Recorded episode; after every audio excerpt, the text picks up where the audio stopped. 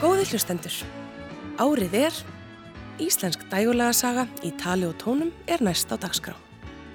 Í þáttunum er eitt ár í íslenskri dægurlaga tónlistarsögu tekið fyrir í einu. Ég heiti Sigriður Torlasíus en umsjónamenn eru Gunnlugur Jónsson og Ásker Eithórsson.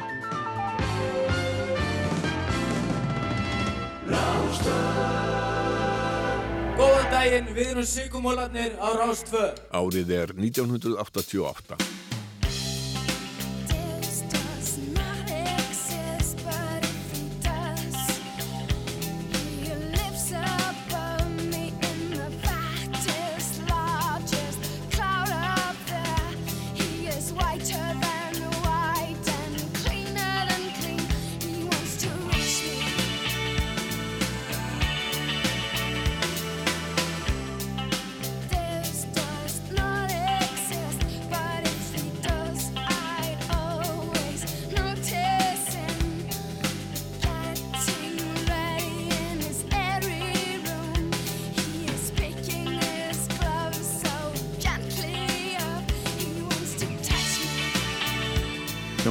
Sigurmálarnir eða The Sugar Cubes eins og hljómsveitin hét á enskri tungu og lagi Deus af plötunni Life's Too Good sem var að miklu leiti tekin upp með íslenskum textum sumarið 1986 í Grettiskati, hljóðveri stuðmanna og þussaflokksins.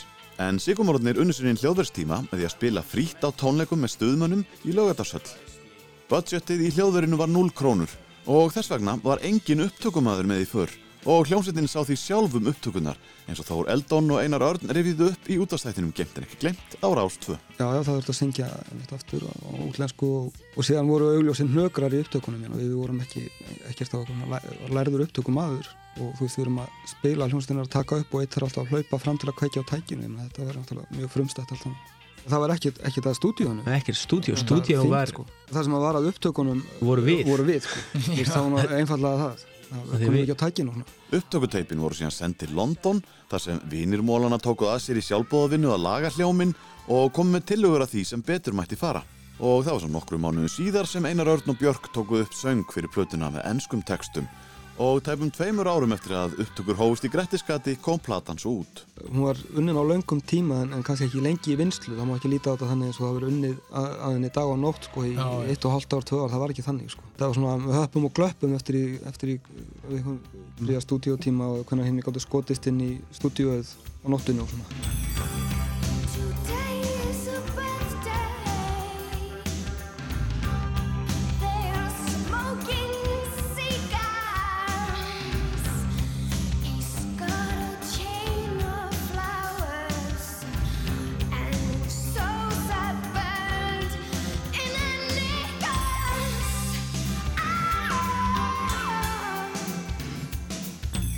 oftast þegar við erum að taka upp plötur þá hefur kannski bara farið einu sinni í, í hljóðver og hérna og, og tekið upp það sem til er. En í þetta sinn þá var hérna farið minnstakosti 6-7 sinnum.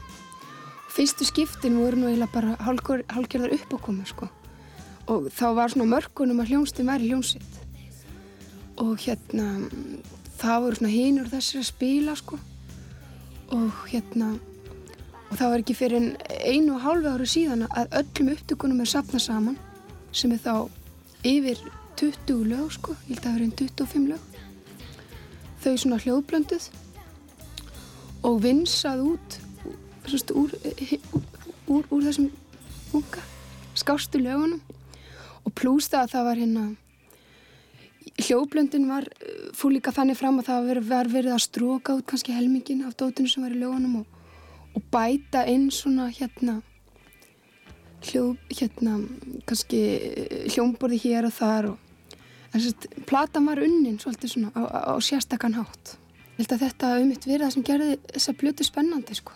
Var að, og líka þú hlustar á plötuna þá er þetta í raun og veru svona greatest hits. Átján mánuða tímabils í, í hjá, hjá okkur. Það lít, heildamyndin er að það er engin heildamynd Björk Guðmundsdóttir lísti fyrstu plötu Sigurmáluna Life's Too Good sem var valinn besta íslenska plata nýjunda áratugurins. Rás 2 stóð fyrir valinu og gerði skil í þætti árið 1989. Platan kom út viðsvegarum heiminn 25. apríl 1988 hjá enska útgáðufyrirtækinu One Little Indian. Breska tónlistapressan hafði byggt upp gríðarlegar væntingar til sveitarinnar árið áður og hróður sykumáluna bast víðar um Evrópu og til Ameríku sem gerði það verkum að platan náði aðbrags sölu víða um heim og komst til að mynda á vinsaldalista í löndum á borð við Svíþjóð, Bandaríkin, Kanada og fleiri en hvergi eins hátt og í Breitlandi ef heimalandið er undaskilið því Life's Too Good komst í 14. sæti á breska breyðskifulistanum í útgáfu vikunni.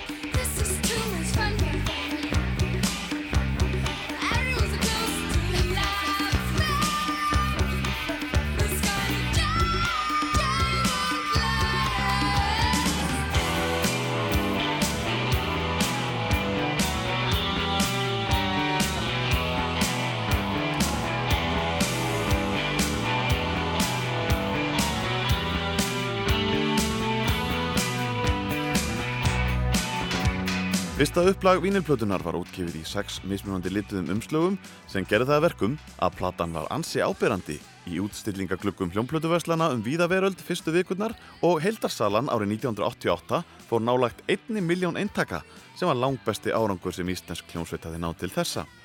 Fyrsta smáskífulega plötunar var Birthday en önnur smáskífan skartaði Cold Sweat sem aðalagi og hér segi Björk skúla Helgasinni frá læginu í viðtali á Rás 2 árið 1989. Það var enn eitt brandarinn sko. Að Þór kom með gítafrásununa sem að læpir í rá og það var ákveð að gera eitthvað svona heavy rocklag. Það þótti áslega fyndi. Svo var þetta gekkut undir nafninu Indianapop að því að Sigtrið kom með eitthvað svona indianarismi í þetta. Og síðan sögðu strákarnir við mig hérna Björk, akkur gerir nú ekki svona til tilbytningar almennilega popdagsta.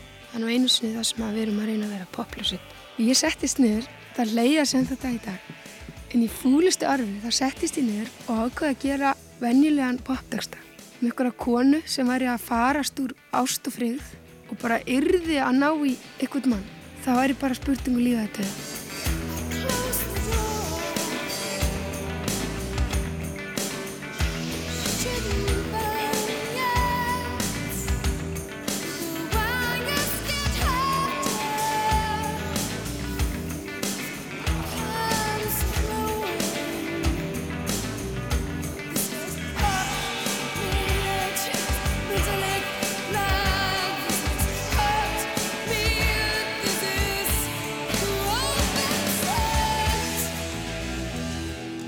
Life's Too Good fekk viðast hvar frábæra dóma, já, hérlendis sem ellendis. Tónlist Sigumóluna er erfitt að lýsa, en segja má að hún einkennist að krafti, dölúð og óskilgreindum trillingi.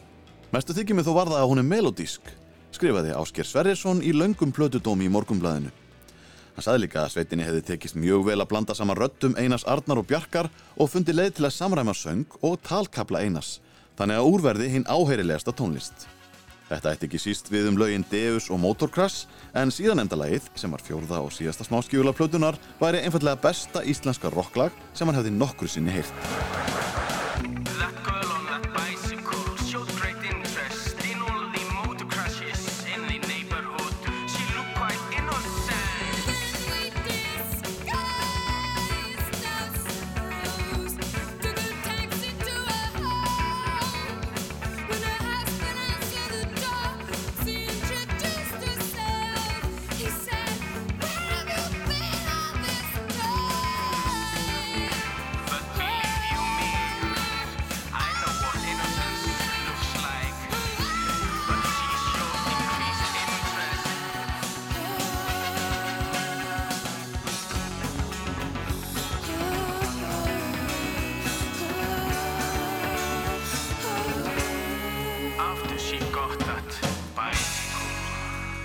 Árið er 1988.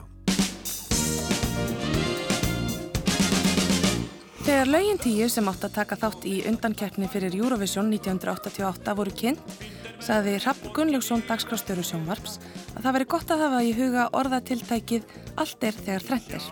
Það væri skinsamlegt að meta stöðu þjóðarinnar í keppninni og sjá til hvort við vildum halda áfram.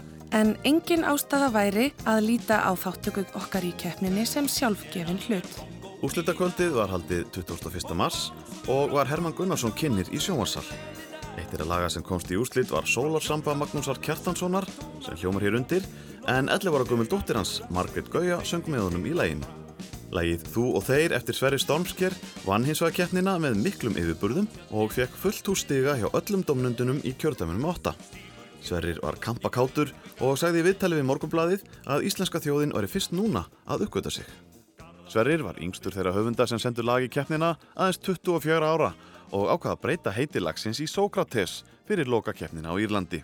Hljómsveitin Beethoven flutti lagið í Dublin, Stefan Hilmarsson söng, en Edda Borg, Þorstein Gunnarsson, Kristján Viðar Haraldsson og Guðmundur Jónsson voru með honum á sviðinu. Niðurstaðan varð enn og aftur 16. sætið.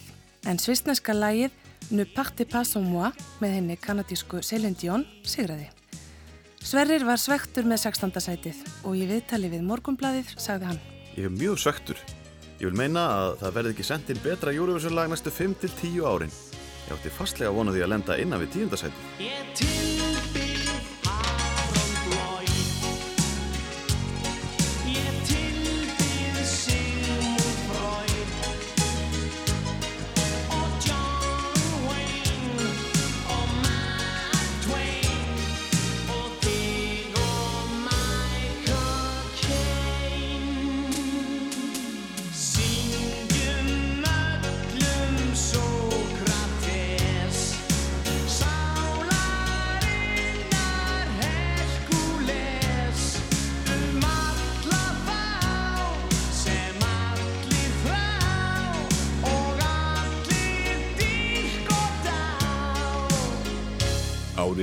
1988. Þar sem fjarlæðin gerir fjöllin blá Ég finn þig ástin mín.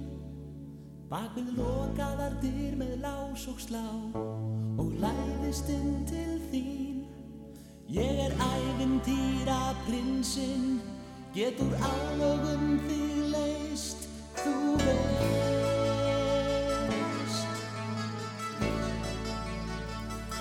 Þetta lag er elsta lagið á plötunni, sami 1978, þegar ég er 17 ára gammal.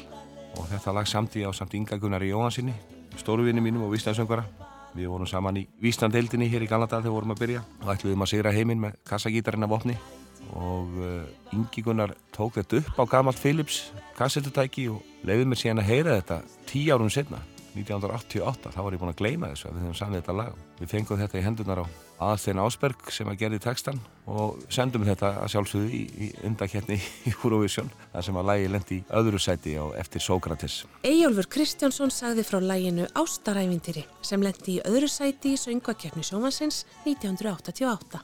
Eyjólfur uppfyldi gamlan draum og gaf út fyrstu sóluplötu sína fyrir jólinn og hlaut hún nafnið Dagar.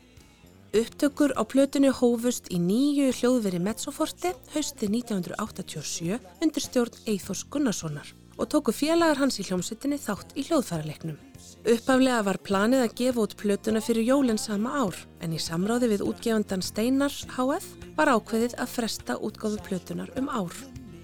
Titillægi Dagar fekk fínar viðtökur en textan samti aðalstegn Ásberg Sigursson. Sannfærður um það að mér brosir lífið við. Dagar, þau sem framtíð mína felur Farið aðeins hægar, ég tek af ykkur mig. Sveit Guðjónsson rindi í plötuna fyrir morgunbladið og sagði plötuna vel hefnaða og að Eyjólfur nýti sín mun betur á dögum heldur en í öllu bítlafarganinu. Og átti þar líklega við bítlavinnafélagið sem sendi líka frá sér plötu 1988. Ákveði var að gera myndband við lagið gott en það munaði minnstu að lagið rataði ekki á plötuna. Upphaflegi texti lagsins þótti þungur og frekar ódæmi gerður fyrir hildarsvið plötunar. En Eyjólfur fekk Sverri Stormsker til að gera nýjan texta og Eyþór útsettið upp á nýtt og lagið lifnaði við. Ég finnst allt svo opáslegt útur og æði Ég hugsa mikið um standart og gæði Mér finnst lífið eitt alls er ég djók Mér finnst einhver einasta máli skipta. Hvort í blokkum sé öryrkja lifta Bara ef ég fær eftir og kók. Mér er sama hvort ég tapur lífsins. Ég missi peð eða hrók Árið er 1988.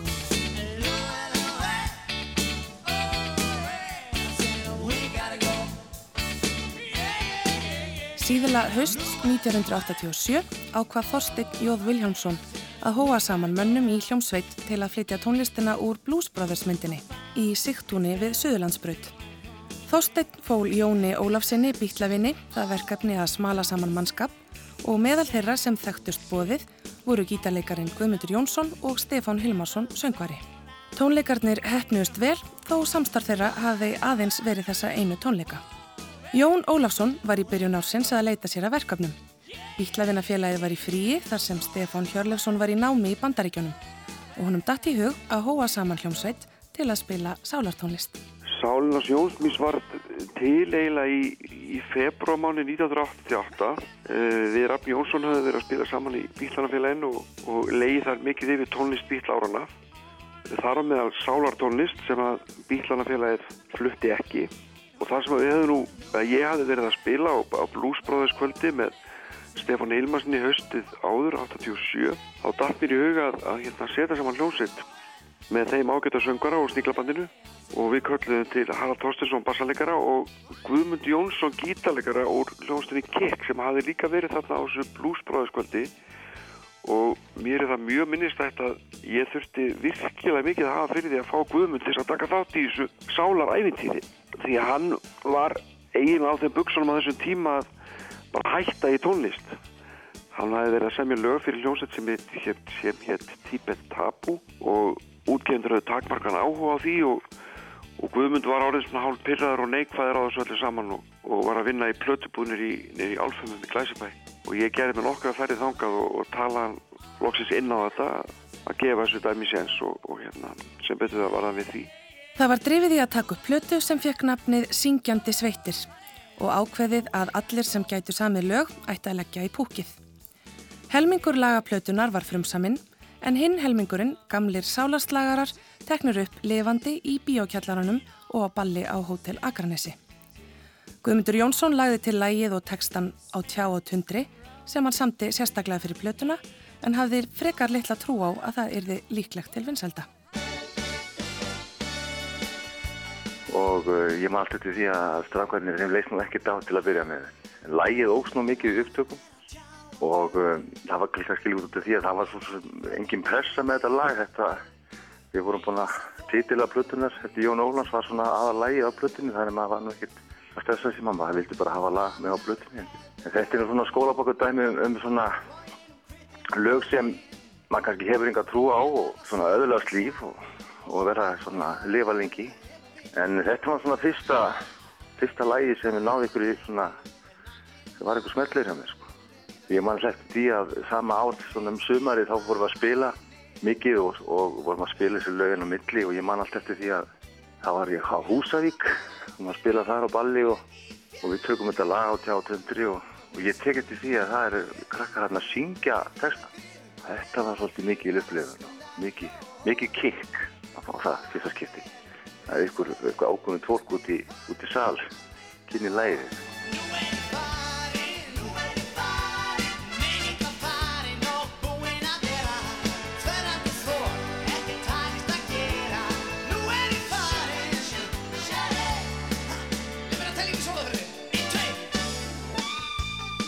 Sálinans Jónsmins tók rúndinn sumari 1988 en undir lóksumars snýru Jón, Raffn og Haraldur tilbaka í bílæðunafélagið.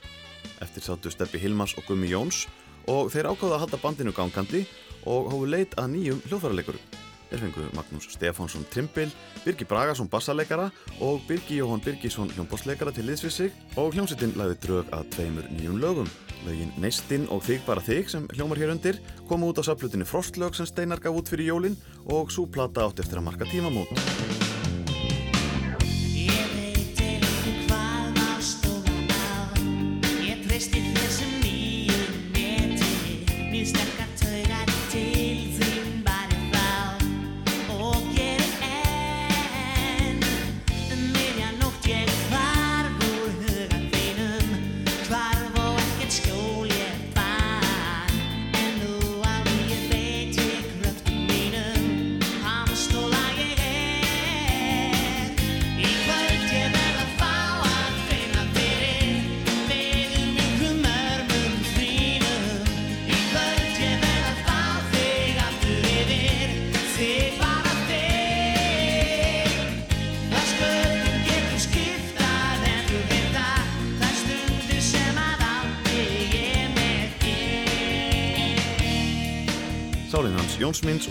Þig bara þig af saplutinni Frostlög.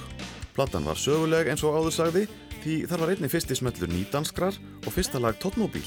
Þessar þrjá hljómsveitir á samt síðanskein sól átti til að leiða úrvalsteld íslenska popsins næstu árin og ný kynnslóð síndi þarna hvað í henni bjó og setti svo sannarlega mark sitt á íslenska poptónlist næstu árin. Ný Dönsk var með lag á sapplötu skífunar sem kom árið áður og hljómsveitameðlimir vonuðist til að fá plötusamning í kjölfarið. En skífumenn voru treyir til og sveitin leitaði til Steina HF. Þar var þeim tekið opnum örmum og smellurinn Hólmfríður Júliusdóttir var framlag þeirra á frostlögunum.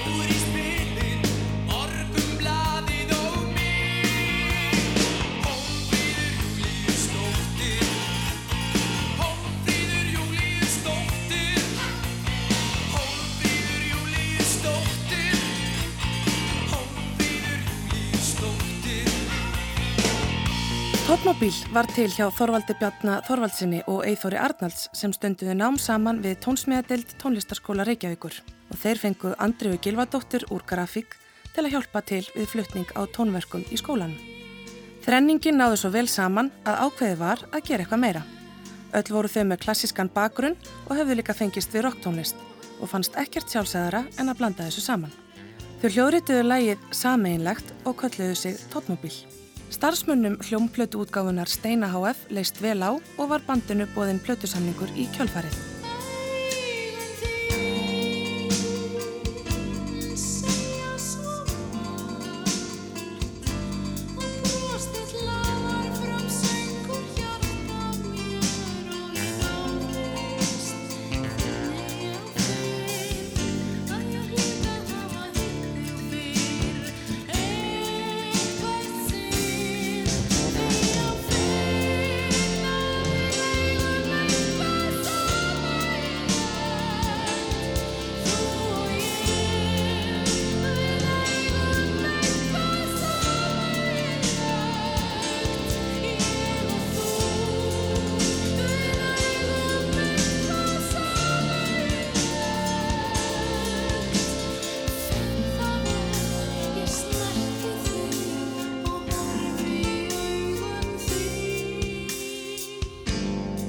Árið er 1988. Bítlavinnafélagið dustaði rikið af nokkrum gömlum íslenskum bítlalögum sem sveitin hljóðritaði og gaf út á plötunni 12 íslensk bítlalög sem seldist vel fyrir jólin 1988.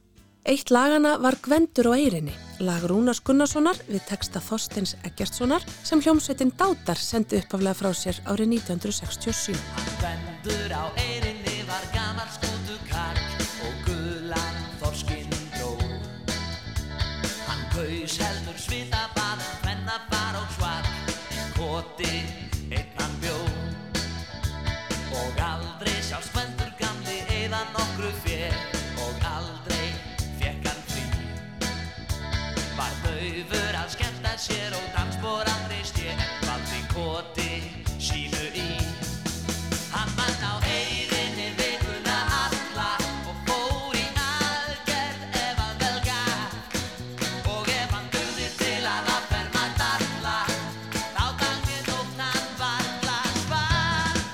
Árið er 1988. Mikil popsveifla sveif yfir vötnum í músiktilunum um vorið því í þremuræstu sætunum voru gleði popsveitir.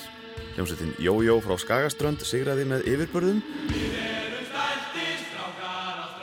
Í öðru sæti voru herramenn frá Sauðorkróki og fjörkallar frá Reykjavík í því þriðja. Jójó átti tvö lög á suðmarsaplutinni Bongo Blíða og á plutinni Frostlög var lagið um stæltu strákana af ströndinni.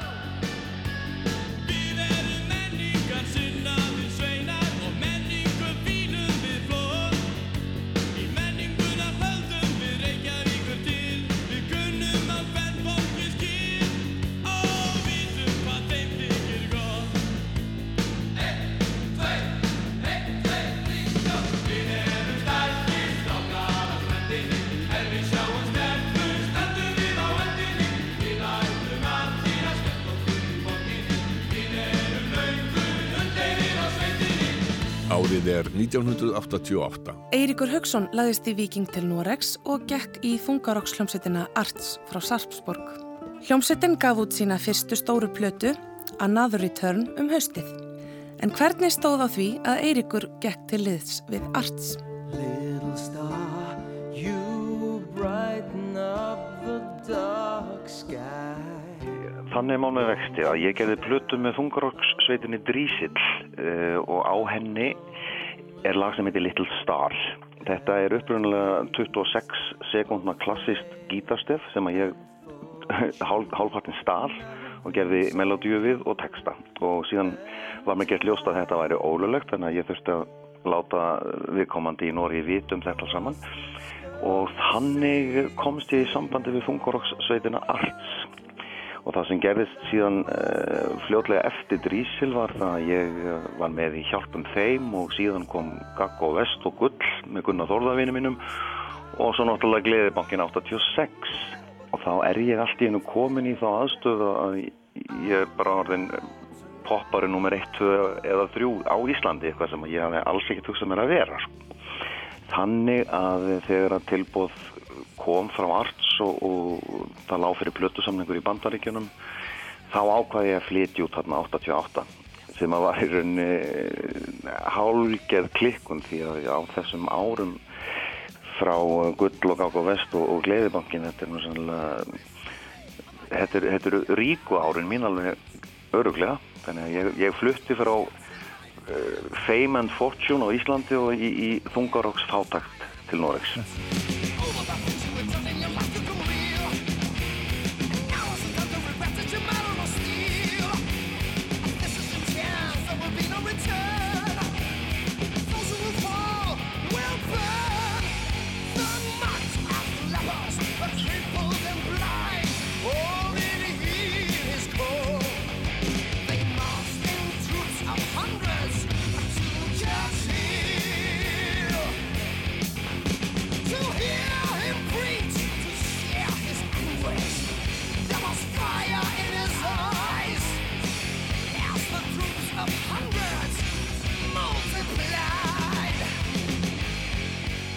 Eiríkur Haugsson og norsku félagar hans í hljómsveitinni Arts.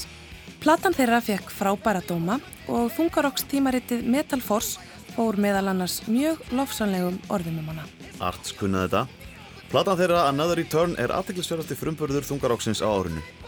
Láttu ykkur ekki koma óvart að Arts verði superstjörnur árin langt um líður. Árið er 1988.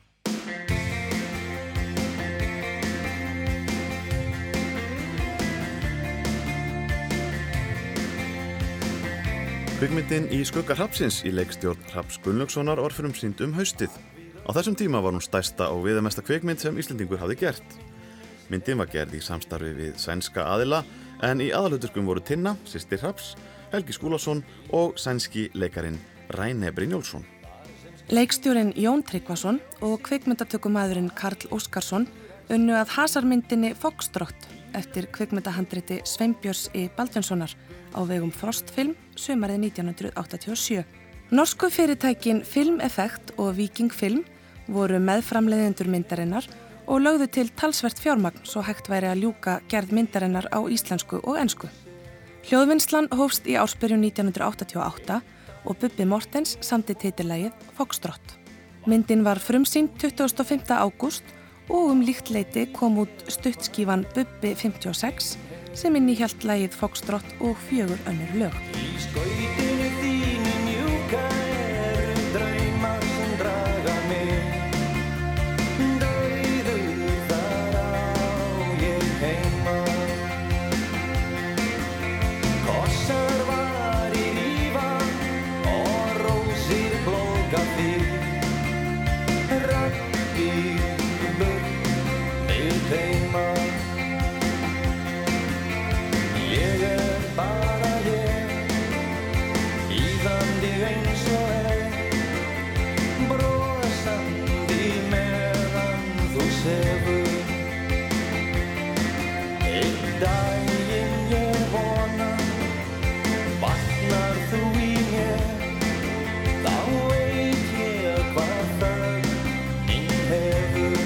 nógumber 1988.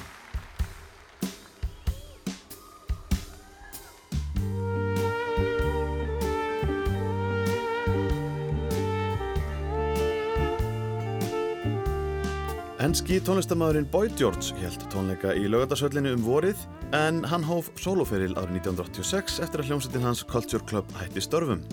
Á listaháttíð í Reykjavík var bóðið upp á tvenna poptónleika í lögatarshöll, annars vegar með Liverpool-sveitinni Christians og hins vegar Blow Monkeys. Íslensku hljómsveitinar Síðanskinn Sól, Strax, Kátir Piltar, Bjarni Ara og Hunákstunglið hituðu upp.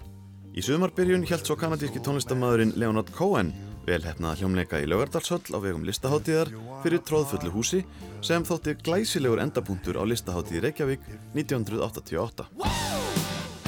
Hljómsveitin Kiss heimsótti landan haustið 1988 í reyðhöllina í Víðidal.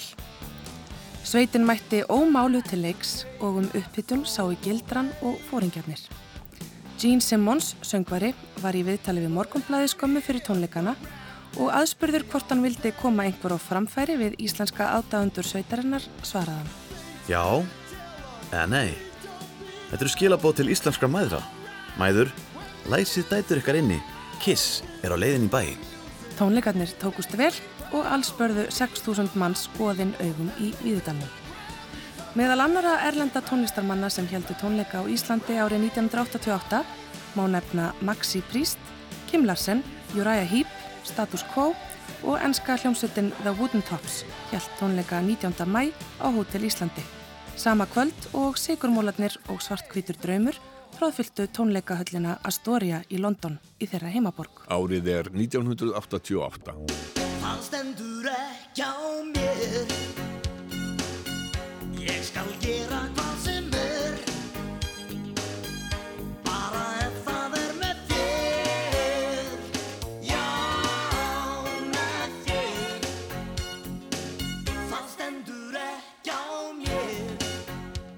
Eftir sigur í látúnsbarkakeppni stuðmanna ákvað skífan að framleiða plötu með Bjarnar Arasinni.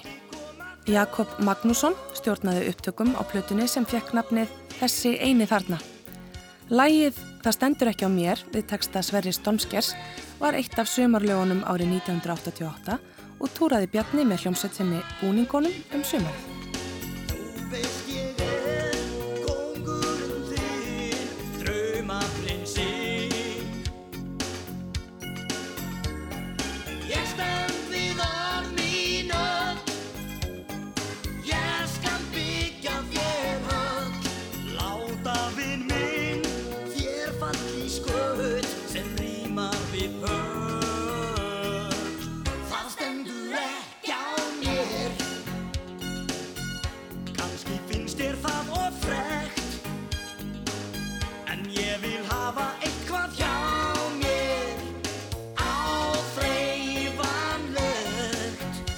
Árið er 1988.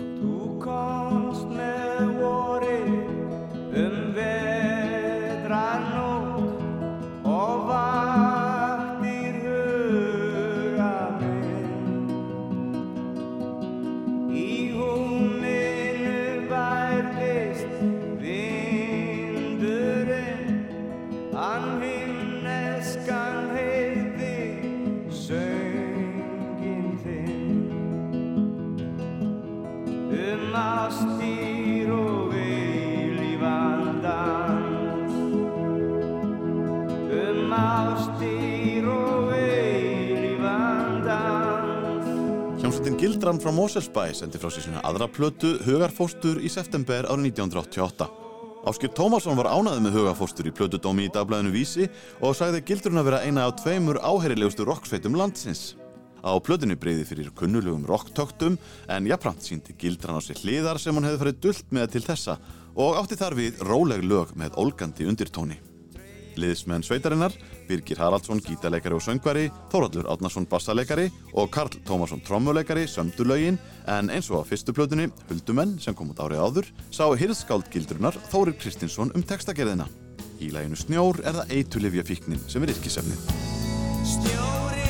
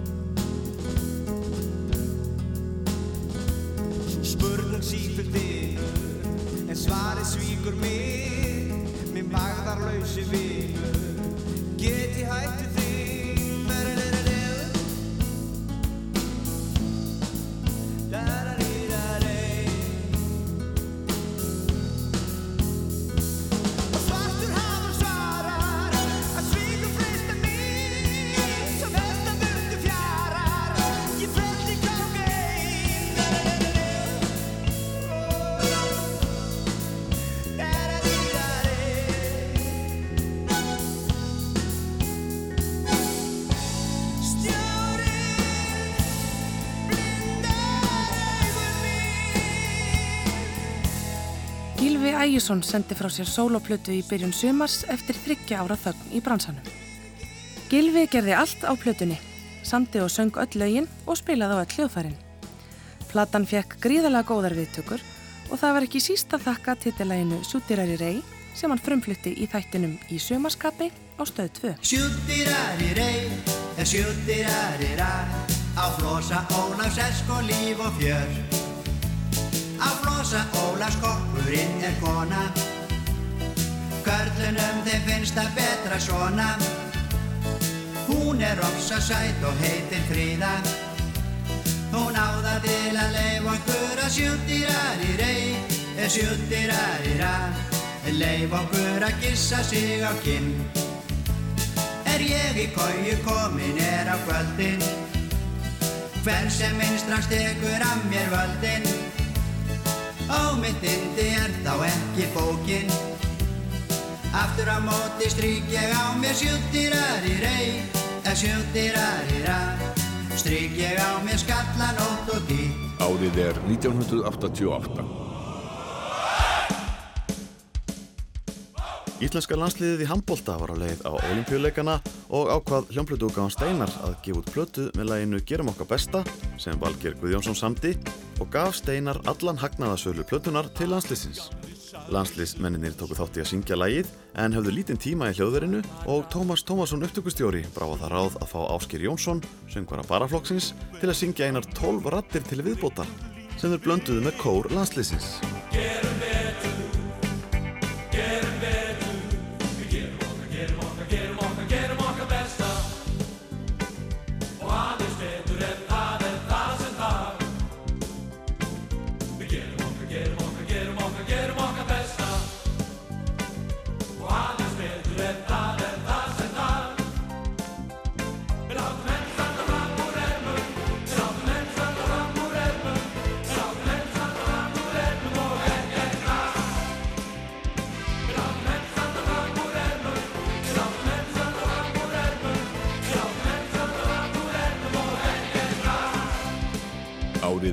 1988. Sumarið 1988 nötu lengdar endur hljóðblandaðar útgáfur vinsalla laga hilli og voru jafna nefndar tóltómur sem var til þess að Bjartmar Guðlöksson kom fram með nýjirðið tóltómutöffari yfir plötusnóða.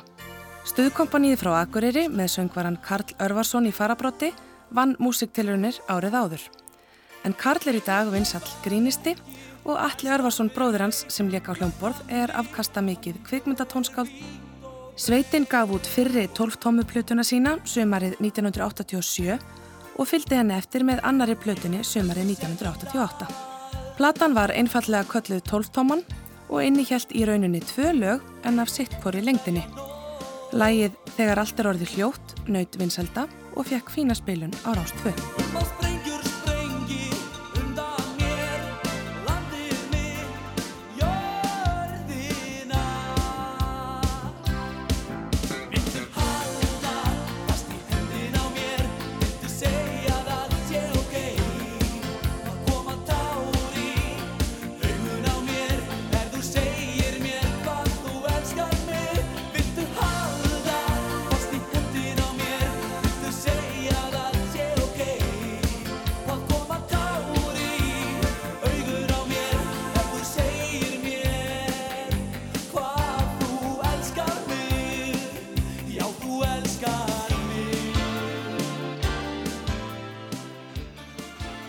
Árið er 1988. Greifarnir nutu gríðalega vinsalda hjá yngri balgestum og plötukaupendum og lengst af leiti Felix Bergson söngin en hljómbórsleikarin Kristján Viðar Haraldsson og gítarleikarin Sveinbjörn Gretarsson sem söndi flest lögin röttuðu með honum. Felix var hann leiður á því að þvælast um landið og hugðist halda til Skotlands til að nema þar leiklist og tilkynnti félögum sínum að hann ætlaði að hætta.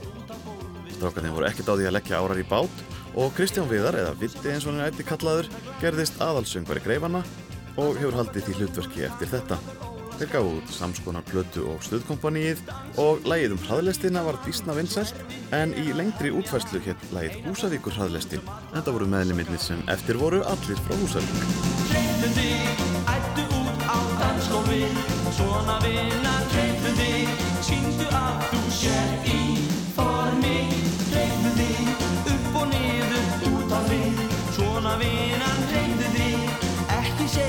Njé, njé, njé, njé, njé, njé, njé Kanski ekki eins og við sem lærðum og að lítið Við kunnum ekki mikið og æðum bara áfram Já, æðum bara áfram, já, æðum bara áfram eins og hraðlest Takturinn drullir líka mann Svo vonlaust er að hemja hann Einn af þessum þegjum sem enga stæla kann Árið er 1988. Í nóvember mættu meðlimir í rap hljómsveitinni Acid Juice frá Breiðholti í heimsókn í dægumálótorfi á Rás 2 í tilefni að listahátti unglinga í Breiðholti.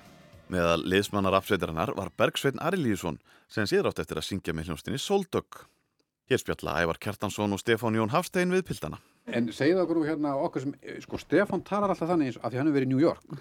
Hann talar þannig eins og allir viti bara hvað þetta rapp er. Ég, ég hérna kom, þegar ég kom inn á þann að sá okkur, ég hef ekki hugmynd um hvað þetta er. Getið þið útskýrið það eins? Sko. Bara ég með njóti betur þessum með heyra og eftir. Rapp, það er svona mm, ný tónlist Já, það er tónlist, tónlist að stefna sko Rapp kom svona 1985 eitthvað svona þegar breykið var og þá var haldið að þetta væri bara svona rétt myndi aðeins koma og detta sér strax niður en raunin var nú önnur held ég Og það er alveg, það er alveg ótrúlega margir sem haldi upp á þetta en það vita bara ekki allir um þetta þannig eða þú veist, sumir halda að þetta sé bara, sé bara einhver tónlist sem einn og einn fílar en það er margir sem að fíla svona tónlist. Uh, Semjið þið ekki að verk sjálfur? Já. Já. Frumsamið, textu og allt af okkur. Tekst alltaf eitthvað sjálfum? Algjörlega. En hvað er fyrsta verkið sem hlitið? Fyrsta verkið af mörgum það heitir eiginlega Stocking Dope eins og við En kallum það er þetta á samt ensku. sungið á íslensku Já. Íslensku texti. Stocking Dope? Stocking Dope. Stock- það var stýrt upp Stocking Dope. sérstaklega fyrir, fyrir hérna Útvarpið. fyrir útvarpið.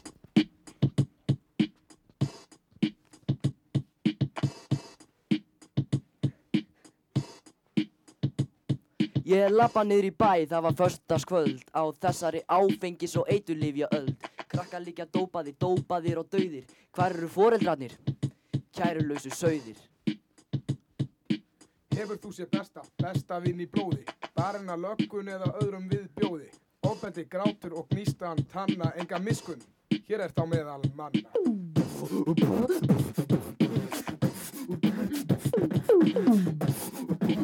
Ljótt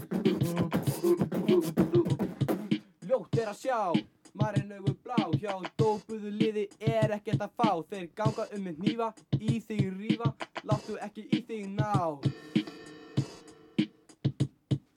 Við erum sendir af heilugum guði til að halda þér frá dóp og öðru stuði. Látt ekki eins og ljótu sauður, það er jú ekki töff að vera döður.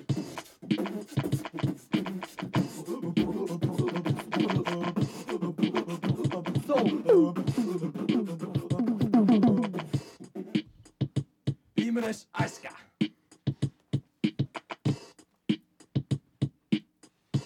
Árið er 1988. Ég þekki ljósku sem vinnur hjá lána sjónum Hún er lagleg ennur full af eift Hún segir alltaf háar tekjur, ekkert lán Og aldrei get ég neitt keift, hvorki bíl eða mjál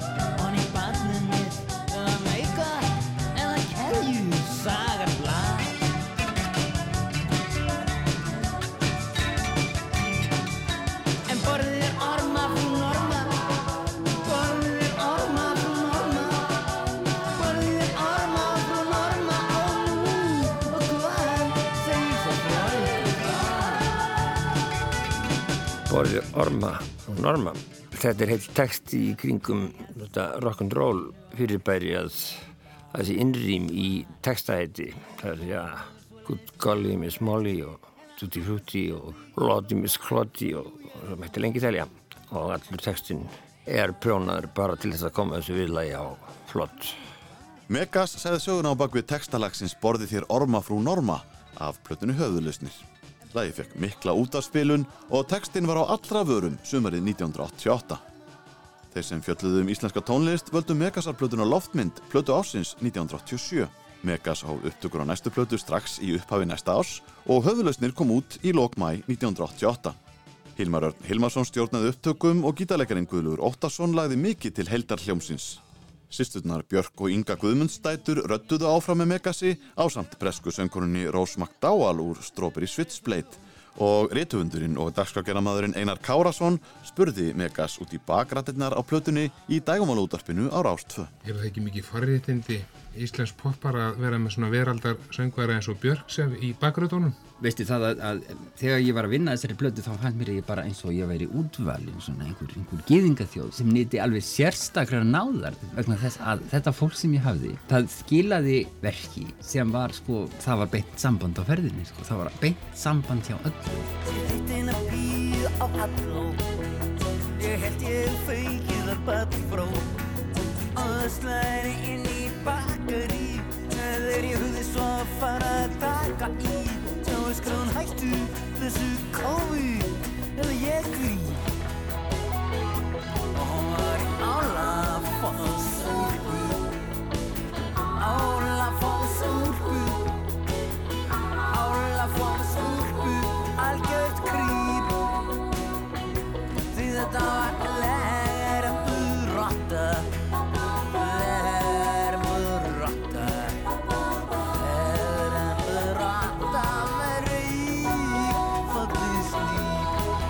slíp Álafársúlpan, þar er ekku textans erskaplega mislökkaði hvernig maður og textan einhvern veginn alltaf að lenda á gallhauðum feministum og, og meðvitum. Hann er illa rænulösi sjálfur og, og veit ekkert í sinn haus og eðla fyrir illa fyrir honum. Megas saði frá textalagsins Álafoss Úlpa af plötunni Höfulausnir. Hann fór í velhefnaða hljómleikaferðum landið um haustið og platan fekk frábæra dóma en hvarta var yfir því að ekki fylgdi neitt textablað með plötunni sem var þó líklega með ráðum gert. Andrea Jónsdóttir hafði meðal annars þetta að segja í plötudómi á Rás 2. Ég vil bara segja að lokum að ég álít þetta bestu plötu Megasar frá upphafi músiklega séð og held að minnst að kosti ekki að þessi hrifning mín stafi af seppgalsa eftir að hafa orðið að leggja nótt við vinnudag til að leggja eirun eftir óprentuðum tekstónum og þar með sefjast af tónunum. Aðeins einn nótt er poplag sem er ekki mikið meira en poplag. Það hefur öll element til að vera hittlag og sem það ekki verður vegna innast textans en það er planað sem daglag fyrst og fremst og einhverjum.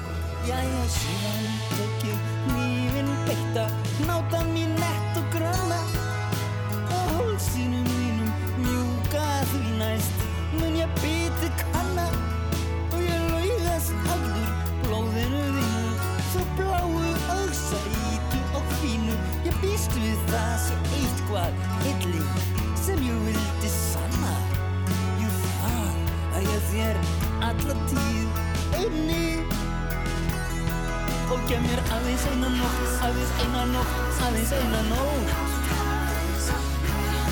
Aðeins eina nótt, aðeins eina nótt, aðeins eina nótt. Svo ég eyði í minningu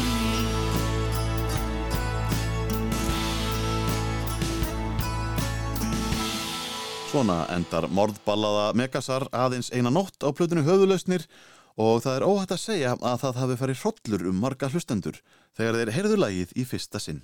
Árið er 1988. Hljómsveitin Ham kom fyrst fram á tónleikum í tunglinu við Lækjagötu í mars 1988 og var ekki lengi að næla sér í plötusamning. Í sumarið hefði smekkleisa gefið út fyrstu plötu sveitarinnar. Hold var fimmlaga og meðlimir voru Sigurjón Kjartansson, Óttar Proppe, Björn Blöndal og Ævar Ísberg. Þung, hæg og háaðasum rocktónlistin hillaði meðlimi Sigumólana og undir lokás hittaði Ham upp fyrir mólana á nokkrum tónleikum í Þýskalandi. Skömmu síðar var plötusamningur við One Little Indian í höfn og stemmtað útgáfu breyðskifu árið 1989. Hér eru við brot úr læginu Transylvania með Ham af plötunni Hold.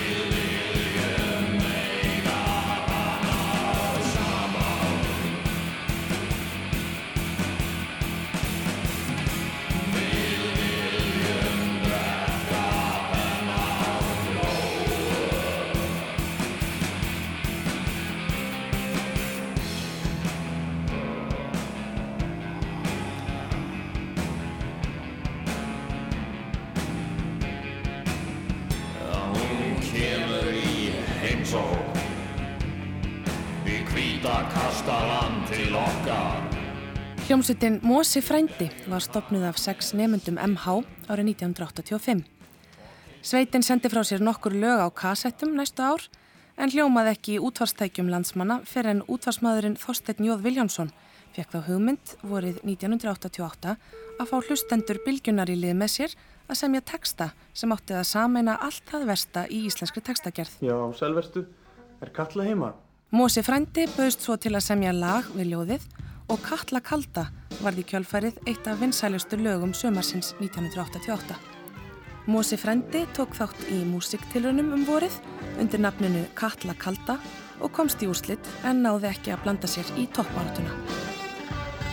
Baby nokkuð lengi, lengi, lengi, lengi Verður kannski alltaf svona með smá mætta drengi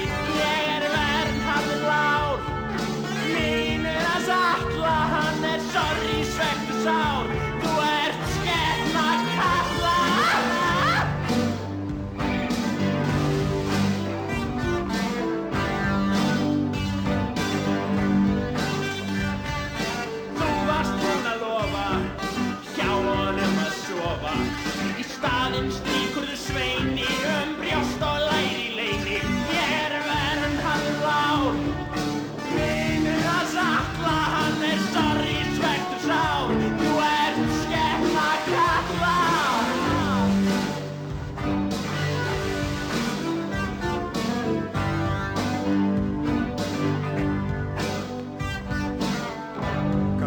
Konar spælingar eru þetta út í alla? Ég meina, þetta er super strákur í stöðugu jóðsérskapi, sætur, stæltur, sexy og svoleiðis. Ég verð að segja, nei ég hvæsi, þú ert samvinskulegs, siðlaus, síþærð og svona skeppna, segi og skrifa skeppna. Ég segi það satt.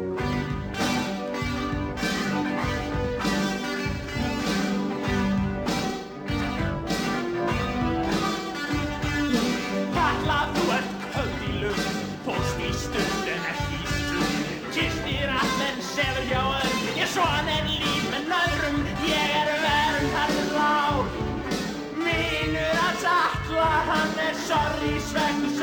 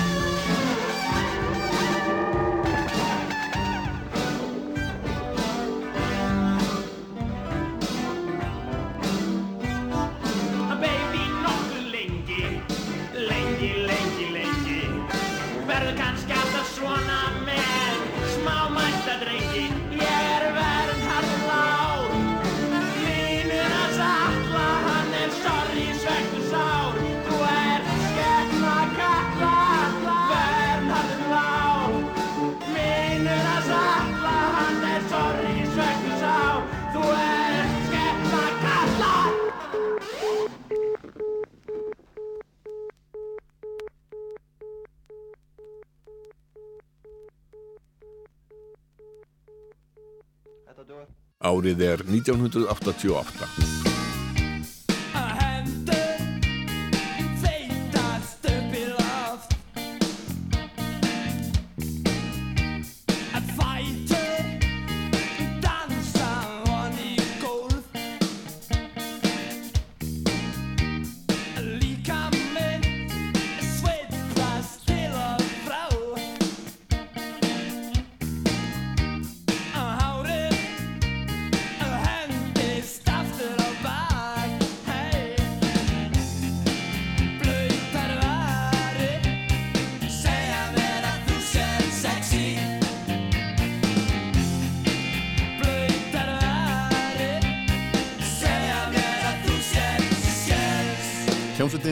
Síðanskein Sól var komin að fulla ferð árið 1988 eftir að hafa farið rólega af stað árið áður sem var fyrsta starfsár hljómsveitarinnar. Hún gaf út tveggjalega tóltómu með lögunum Blöytar varir og Bannað um sumarið og bæði lög fengu mikla spilun á útástöðun landsins. Liðsmenn sveitarinnar notuðu sumarið til að semja og voru mættir í hljóðrita um haustið til að taka upp sína fyrstu stóru plötu. Jón Ólafsson hjá Skífunni hafði miklar væntingar til hljósveitarinnar og fekk erlendan upptökustjóra, Tony Clark, til landsins til að vinna með síðanskinn sól. Helgi Björns og félagar hans í hljómsveitinni reviðu upp í Rokklandi ára ást 2 árið 2017. Jón Ólafsson vildi hugsa strax eitthvað út fyrir landsteina og til þess að hafa það svona að leiðaljósi að þá komi hugmynd að við fengjum erlendan pródusent í verkið og hann fór á stúana og við höfum nú ekki mikla þekking á þessum hlutum. Þannig hann gróf upp sem sagt einhvern mann sem við þekktum náttúrulega ekki til en, en var með mjög flottan tracklista, hafi unni með ótrúlegustu nöfnum. Paul McCartney, Shadows, Cliff Richard, Black Sabbath, Já, já. David Bowie og fleirum og fleirum sko. og hérna, þetta leiti allt mjög vel út og við samþýttum það að, fá hann til verksins og hérna, hann kom en það hafði kannski láðust að greina betur frá því að hann hafði nú ekki verið sko upptökumæður lengi heldur eh, einugis pródusent en, en Jón var að spara og hérna þar er leiðandi þar við vorum ekki með upptökumann með hann, hann var kannski svolítið riðgar á því sviðinu og kannski einhver lagana kannski svona líða örlíti fyrir þar hljóðlega séð. En hann var hins var ansið góður að ná upp uh, góður stemningu og, og væpa þetta upp og finna já, svona pródusera þetta sem sagt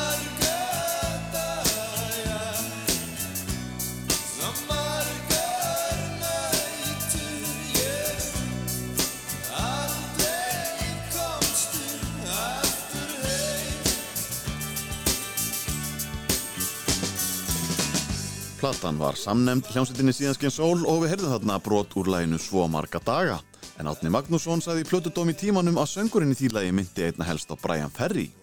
Gunnar Ásælsson dæmdi plötur fyrir Alþýðublaðið og var ekki sáttur við hljóminn á plötunni. Hún fannst vanta þetta brjálaða rock sound sem engendi svo marga rockplötur og lagði til í lókdómsins að næsta plata er þið tónleikaplata því hljómsveitin væri ennþá magnari á sviði. Söngvarinn og textasmiðurinn Helgi Björnsson vakti mikla aðtikli í þjóðfélaginu í vinsarsta lagi plötunar Geta pappar ekki grátið. Eitt lítið tár læðist niður kinnina þína.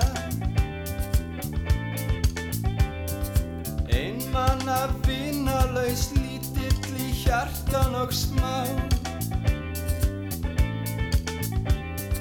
Brosið þitt gæjist samt alltaf í gegnum tárin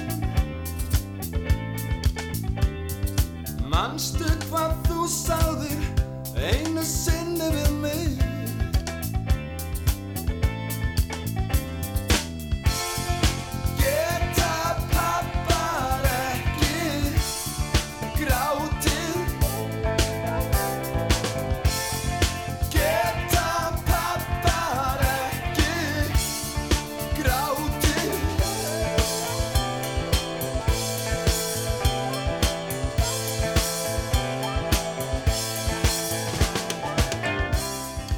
Geta pappar ekki grátið, Helgi, það var nú hérna á, á þessu tíma, þetta, þetta var svolítið svona það hvað þarna við svolítið nýjan, uh, nýjan tón í þessu, þar að sé í textagerð að syngja um, um þessa hluti, þetta var nú svona, mm, þetta er svona mjúki maðurinn svolítið að stíga fram. Já, já, við vorum svolítið á undan okkar samtíð í mörgum, mörgum atriðum og þar á meðal eh, þessu, við kynntum metrómannin til leiks. uh, hérna, já, já, þetta er náttúrulega kveikjana þessu var nú sonu minn sem að uh, sko spurði þessara spurningar, þetta rakk upp úr honum, geta það bara ekki grátið? Og ég greip það á lofti og leta verða titilin á þessu lagi Jú, jú, þetta hlaut mikla aðtikli, ég fór í ykkur viðtöl sko það sem að, var verið að ræða þessi mál sko en þetta var mikill hittari og, og fólk söng þetta á tónleikum og samkomu þar sem við komum fram af miklum krafti. Sagði Helgi Björnsson um lagið Geta pappar ekki grátið af fyrstu plötu síðanskein sól sem seldist í tæplega 6.000 eintökum fyrir jólin 1988 og þessi nýja hljómsveit sem Helgi stopnaði eftir hann yfirgaf grafík átti heldur betur eftir að setja mark sitt á popmarkaðin á Íslandi næstu árin.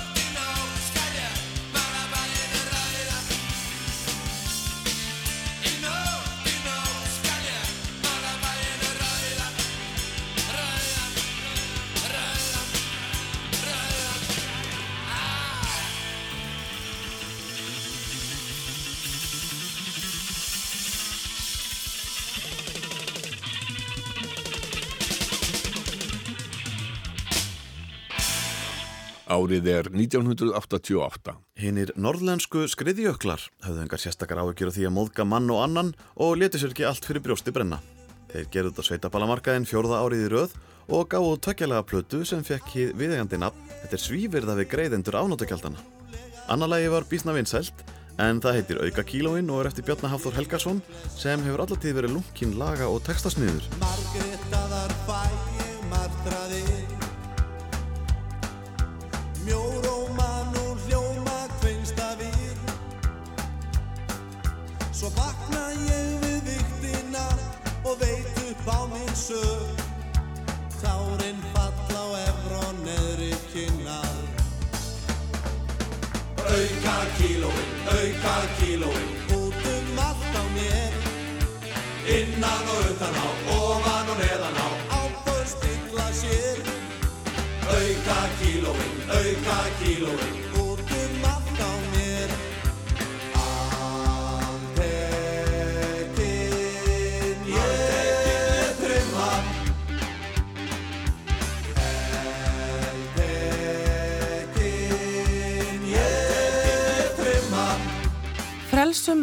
Mandela 70 var yfirskrift útitónleika sem haldnir voru á Miklatúni þann 17. júli í tilefni 70 afmælis Nelson Mandela sem hafði setið í fangelsi í 26 ár.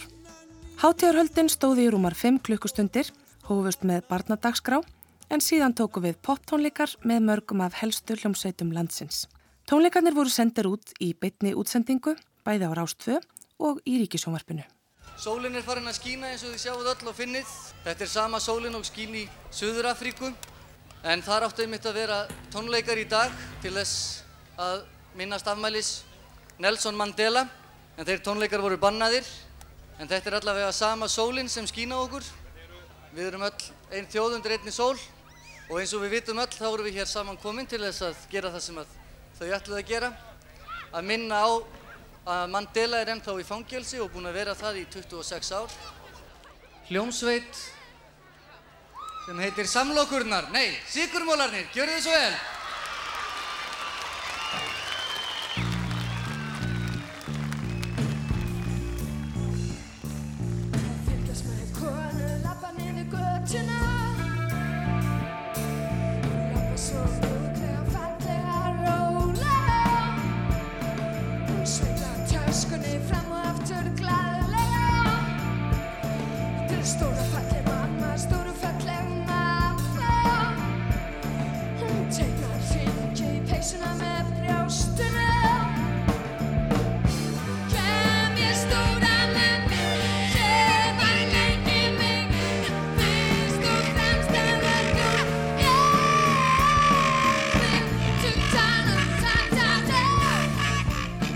Sigurmólarnir eru hér að flytja lagið Mamma á Mandela tónleikunum og þá var hljómbósleikarin Margrét Örnólfsdóttir nýgengin til liðs við sveitina. Þetta var uh, cirka mánamöti mæjúni 88 og aðdraðendin var hérna sólarhingur cirka. Ég voru að vinna hérna á kynvisku restaurant í, í, í borginni og sigurmálandi komið til mín sagt svona um fjögur leitið á föstu degi og spurði hvort ég vildi gangi sigurmálina og ég fekk um, umhugsunarfrest til þrjú daginn eftir. Þannig að aðdraðandinn var ekki mjög langur. Það var svona alveg 50-50 hvað, hvað ég vildi gera. En síðan ég var, var hvort þeir svona, svona núlpuntur hjá mér, ég var ekki með neitt ákveð, ákveð í huga að gera. Þannig að ég sló náttúrulega bara til. En sko á þessum tíma var risaðilan, þú veist, hljómsveit sem að æfði einu sinni í viku eða einu á tvekja vegna fresti og þú veist við áttum sjö lög eða eitthvað slúðis þannig að það var ekki neitt ég náttúrulega hérna hafði þarna tækifæri til þess að fara að vinna sem, sem tónlistamæður eða þú veist fara að gera það sem ég var skemmtilegt að gera að atvinnu minni sem að ekki til, kom ekki til greina hjá Rísæðilunni Sagði Margrét Örnólfsdóttir í viðtali við skóla Helgason árið 1989. Smekkleisa, útgáfi fyrirtæki Sigurmólana, gaf út smáskifulagið Luftgítar með Johnny Triumph sem er betur þekktur sem skaldið Sjón. En plata með læginu átti upphaflega að koma fyrir jólinn 1987. Lægið var tekið upp í London um haustið en þegar Sjón dvaldi með meðlimum hljómsveitarinnar í kjallarahólu í Notting Hill hverfinu kom upp svo hugmynd að taka upp lag. Lagið varð geysi vinsælt um sömarið en hvers vegna lag um fyrirbærið luftgítar? Sjón svarar því. Já, luftgítarinn er náttúrulega gamalþekkt fyrirbriði sem hefur alltaf verið til frá því að eh, sögur hófust held ég. Þá að menn bætt sér upp getuleysi og hljóðfæraleysi á þennan hátt.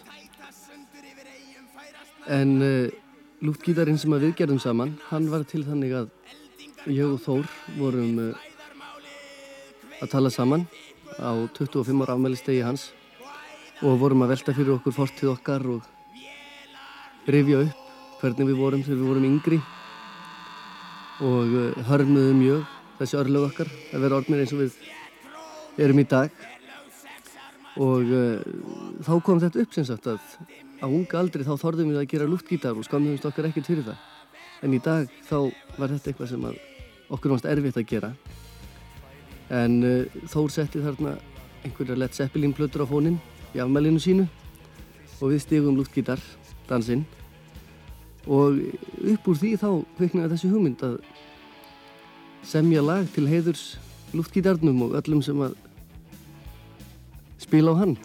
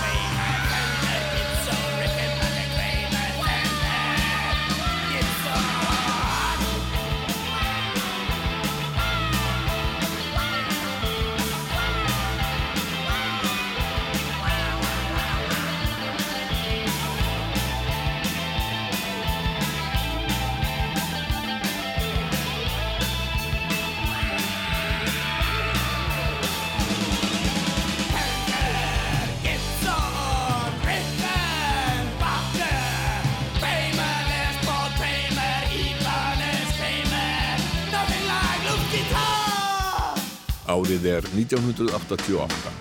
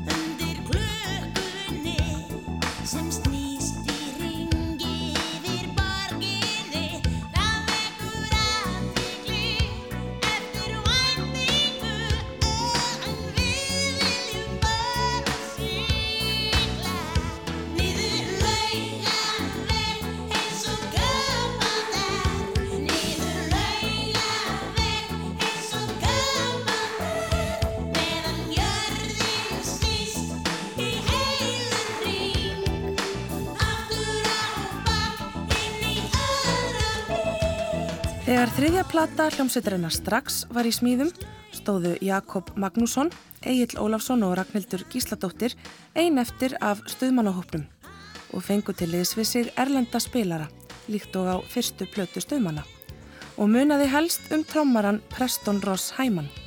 En einni mætti Karl Sigvardsson með drottninguna, stóra Hammond-orgeli sitt sem nú er á skemmtistanum græna hattinum á Akureyri. Upptökur fóru fram í stúdíói Vesturbæjar á heimili músikalska parsins Jakobs Frímans og Röggu Gísla. Svona lísti Jakob Magnússon þessu ferli í þættinum Geimtin ekki glimt hjá Frey Eyjólfsinni. Þetta var sem sé um, verkefni sem við uh, unnum í okkar heima stúdiói við Ragnhildur og vorum með okkur til liðsinnis eh, okkar gamla vinn Preston Ross Heyman, trommuleikara sem var nú með á Sumar á Sýrlandi og eh, hefði mikið spilað með mér og okkur gegnum tíðina. Túraði með stuðmönnum, fyrsta stuðmannatúrin og um, Busta Jones, bassarleikara. Leg meðal hans með Talking Heads og Sharks og fleirum og James Brown, bandarísku blökkumadur. Alan Murphy, gítarleikari var með okkur. Karl Sigvardsson, leik og orgel og Egil Ólason var með okkur í, í söng og valger í anda. Stuðmenn stóðu aftur fyrir látumsparkakeppni sumari 1988 og fór víða í leitað efnilegu söngfólki. Lokakeppnin fór fram í Allavík um Vöslurmannahelgina þar sem keppendur frá átta kjördæmum þöndu barka sína. Ungmenna og Íþróttasamband Östurlands bar ábyrða út í hátíðinni Allavík 88 og að sjálfsögðu fóru fremstar meðal jafningja hljómsveitinnar stuðmenn og strax auk þess sem Bubi Mortens, Megas, Bjartmar, Nýdönsk og Bjarni Ara komu fram. Jakob Magnússon tók Hammondorgel Karl Sigfarssonar á leigu fyrir hátíðina, Kalli fylgdi með í kaupunum og mætti á svæðið í öllu sínu veldi. Látumsparkar allra landsluta aðtugið, skráningi síma 97 113 53. Allavík, hátíðin í skóinu. Árið er 1988. Stöðmaðurinn Valger Guðjónsson samti tónlist við leikritið Síldin kemur, Síldin fer sem leikfélag Reykjavíkur síndi við miklar vinsældir í gömlum bragga í Vesturbæ Reykjavíkur. Þar fór Egert Þorlefsson með eitt af hluturkonum og lægið Ógæðsla ríkur heitti rækila í mark.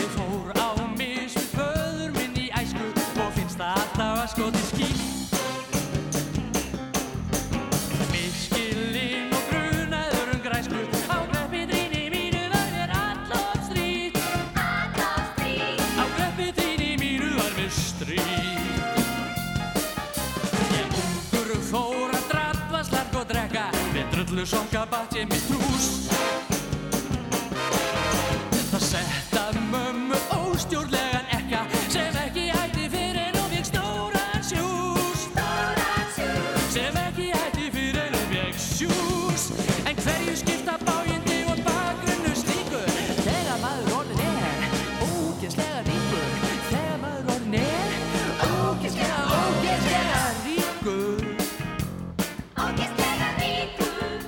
Valgeir Guðjónsson hafði nóg að snúast líkt og fyrir um félagar hans í stuðmönnum. Hann sendi frá sér sína fyrstu soloplötu, Góðir Íslendingar, sem kom að markað 1. desember. Hann fagnaði útgáfunni með hljómleikum í Íslensku óperunni og þar leik ungu piltur Björn Jörgundur Friðbjörnsson á bassa. Lægið Kramið hjarta vakti verðskuldað er óvænt Allt er í fyrsta Ég heyrði svo vel hvert einasta orð En engu þeirra hleyft ég inn. Ég vissi hvað þú varst að segja Sá varir þínar mynda hljóð. Líkt og regndrópa sem renna hver í sína slóð. Hver getur læknað kramið hjarta? Hver getur límt saman brotna sál? Hver getur stutt við stoltið særða? Hver getur læknað kramið hjarta Hver getur læknað kramið hjarta Árið er 1988.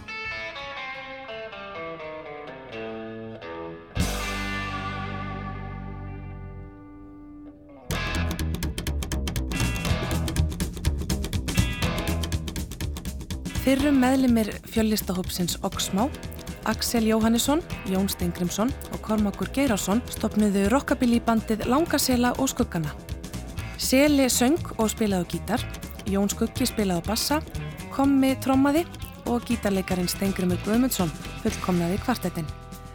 Smekkleisa gaf út tveggjalaga 12 tómu plötu með sveitinni árið 1988 en þess má geta að Jón Skuggi var á þessum tíma hljóðmaður Sigurmólana. Seli, Jón og Kommi voru gestir í þættinum Geimt en ekki gleimt og spjölluðu um lagið Continentalin við þáttastjórnandan Frey Eyjólfsson. Og þetta lag, sko, ég veit að það var notað sem, sko, ef að breiðalsbúki er svona enginnislag breiðhols, þá er, var þetta notað sem enginnislag, sko, hérna, torfaru keppna á tíðanbili. Já, og þú söngur bifjölaverka líka? Já, þannig að þegar, hérna, þegar var, hérna, torfaru keppni á hellu, þá var þetta blastað í, í hérna, í hátafa kerfum. Já, Continentalin. Já.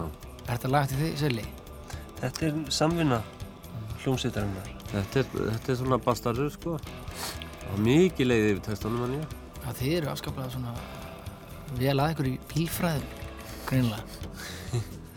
Já, og það sem upp á vantaði, það var fengið lánað einhverstað. Continental kýlreima Kökt á kerti Stormafjæðri gírmótor Þetta kingur hraða breytar Húslækjur og powerblock Belgin spannar Pólar geymir platínur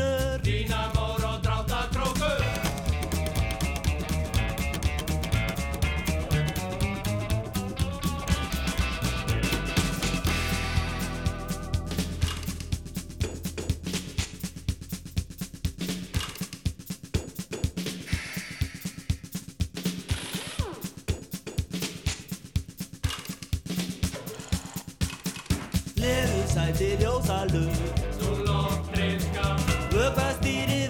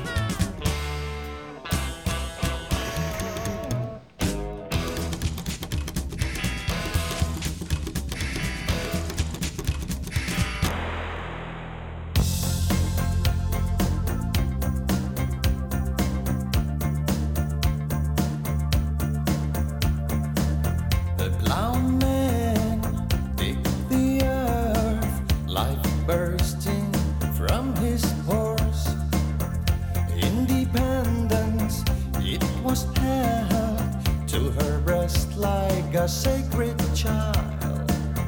She was reborn in the void, victory shining in her eyes.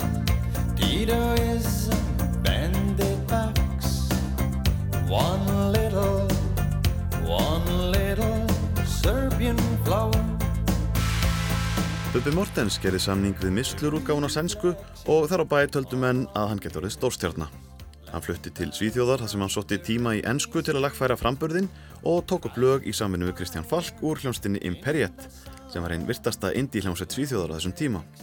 Bubbi hafði sami lag sem heitir Serbin og margir höfðu trú á því að það getur orðið vinsælt á heimsvísu.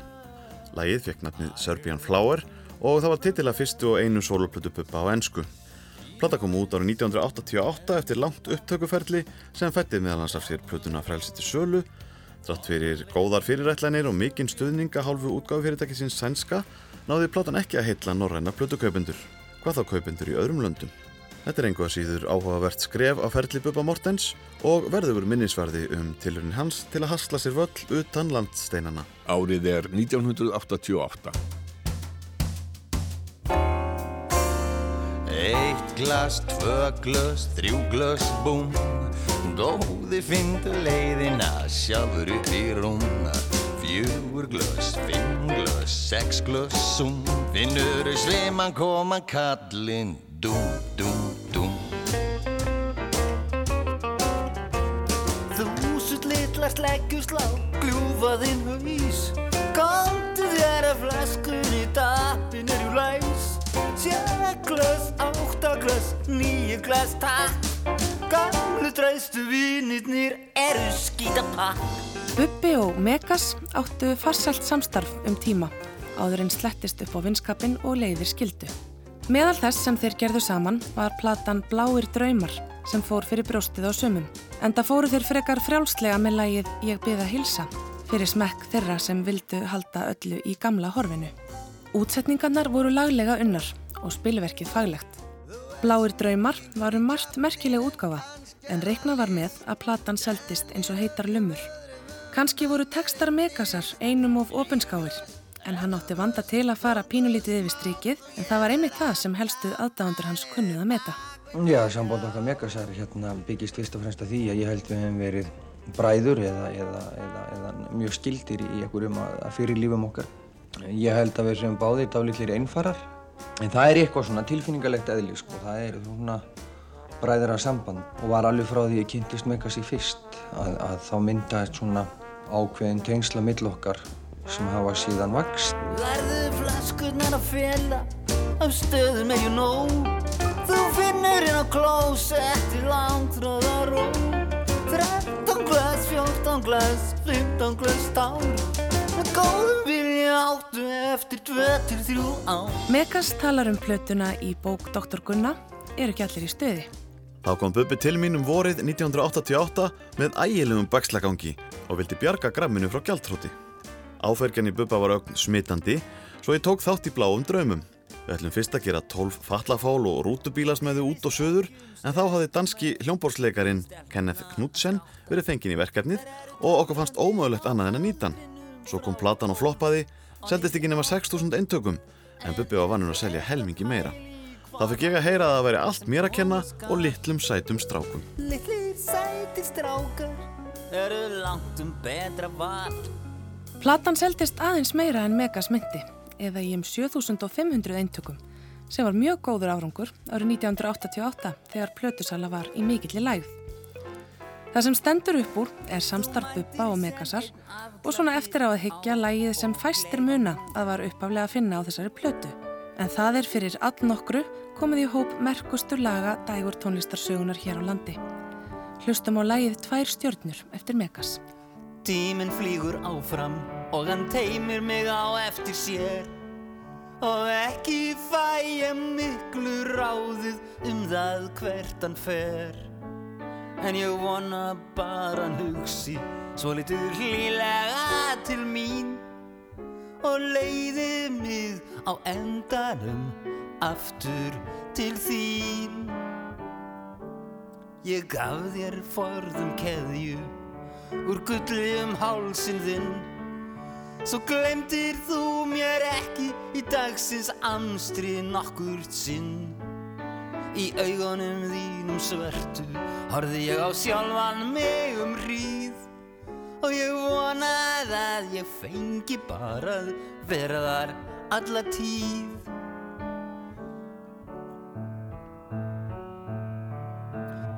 Það er margt sem ángrar En ekki er það þó byðin Því ég sé það fyrst. Á ríkinu Hvað langur tím er liðin Og ég skrifar eitthvað með fingrinum Sem skiptir öllu máli. Því að nóttin mín er dimm og ein Og dagurinn á báli. Já og andliti þitt mála Hvað ég man það alltaf skýrt. Að það glínur og bleikar varir brosið svo hýrt. Jú, ég veit vel að ókeipis er allt það sem er best. En svo þarf ég að greiða týru verði það sem er verst. Árið er 1988. Tíminn látlaust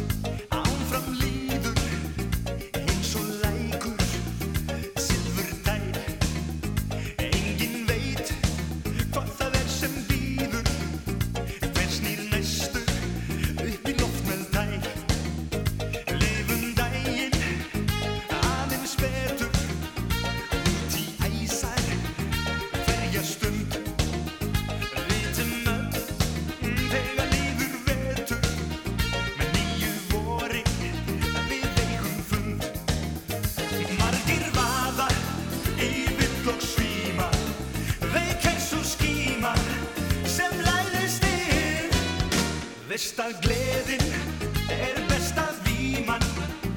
Lyftu gleði inn í huga þinn.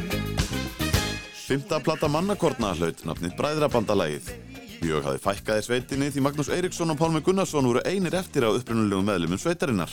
Meðal þeirra sem aðstóðu í hljóðverinu voru gítarleikarin Tryggvi Hubner, orgarleikarin Karl Sigvardsson, söngkonan Ellen Kristjánsdóttir og mezzofortiðliðarnir Eithor Gunnarsson og Gunnlaugur Brím. Pálmi og Magnús sögðu í viðtali við Alþýðublaðið að þessi plata væri áferðafallegri og mýkri. Það veri lögð meiri áhersla á píjánó og hljómborstleik eins og heyrist vel í læginu Ég elska þig enn.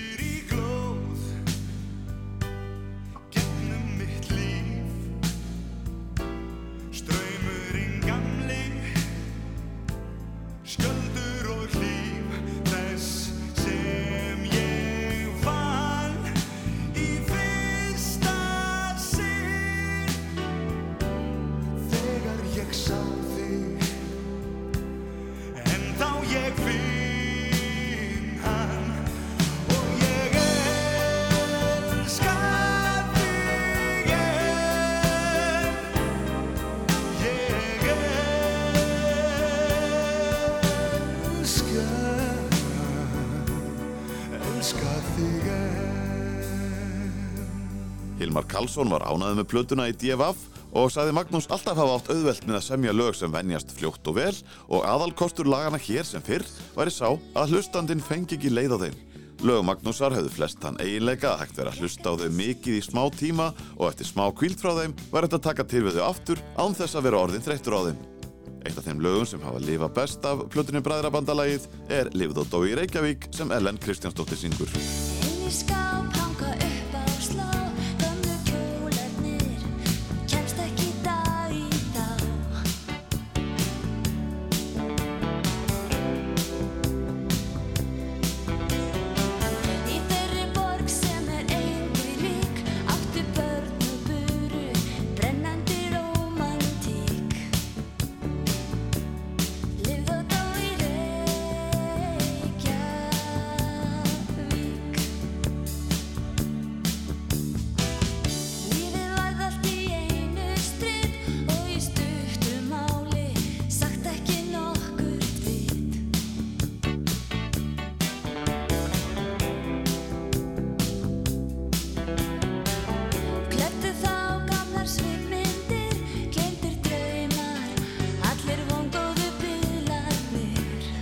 Sverri Stormsker var á allra vörum eftir Eurovision keppnina og fylgdi aðteglinni eftir með útgáfu tveggja platna fyrir jóli 1988.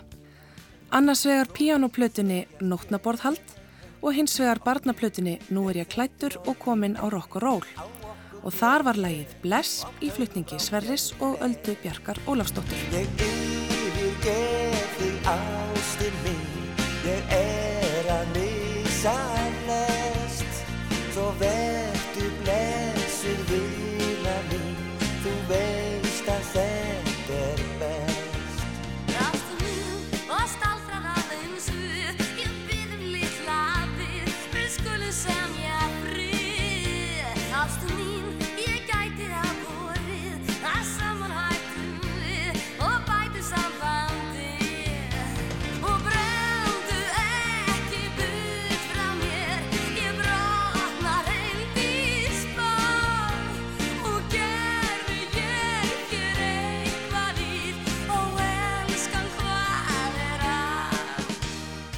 Árið er 1988. Rúnar Þór gaf út plötuna Eyðimerkurhálsar og allur ágóðir hann til styrtar S.A.A. sem átti 10 ára ammali þetta árið.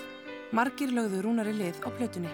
Meðal þeirra voru Bubbi Mortens, Felix Bergsson, Pálmi Gunnarsson og Magnús Þór Sigmundsson.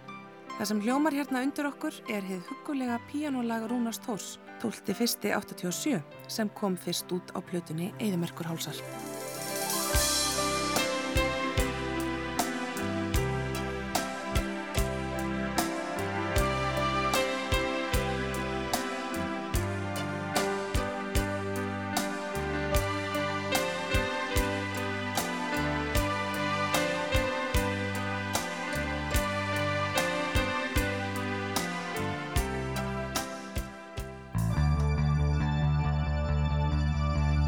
Kamarorkestar var eins konar útlagarhljómsveit til að byrja með, þar sem allir meðlimir hennar byggu í Danmörku og var þetta aðalhljómsveitin á samkomum Íslendinga í höfn.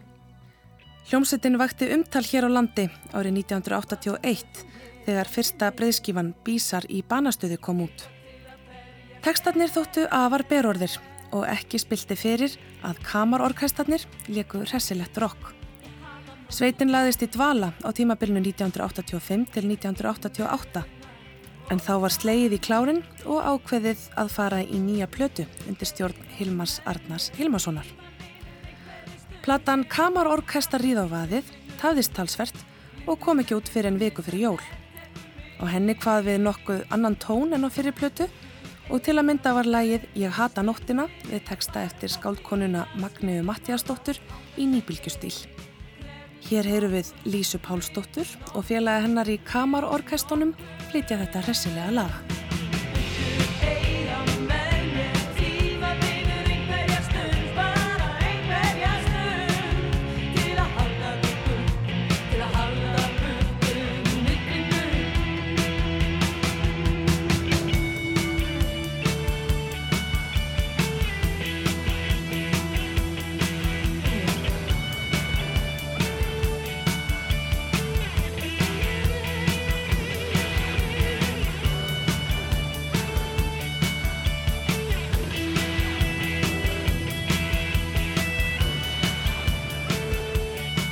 Árið er 1988.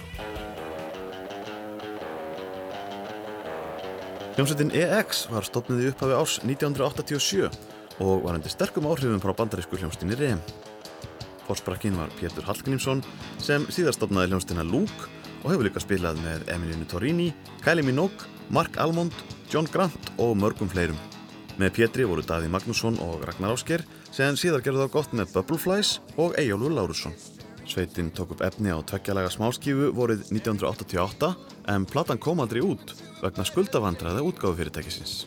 Hljómsveitin EX var svo langt komið með efni á breiðskífu þegar hún hætti störfum tveimur árum síðar en hér undir hljómar demo af læginu The Frontiers sem átti að vera aðalag smáskífunar sem aldrei kom út.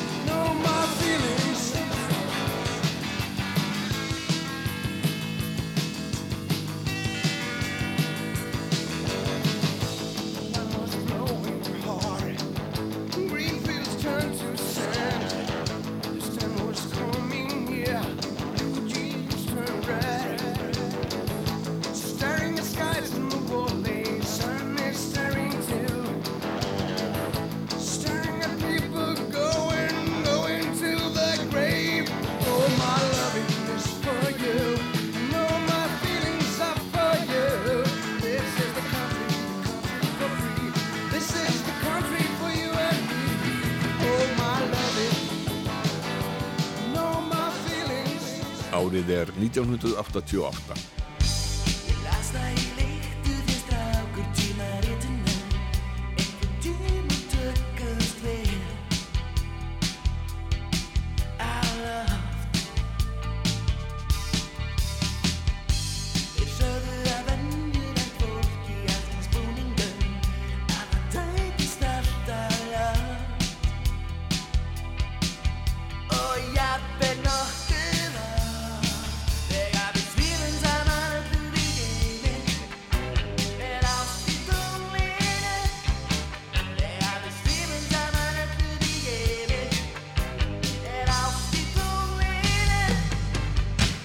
Geiri Sæm sendi frá sér fyrstu soloplötuna fyrir jólin 1987.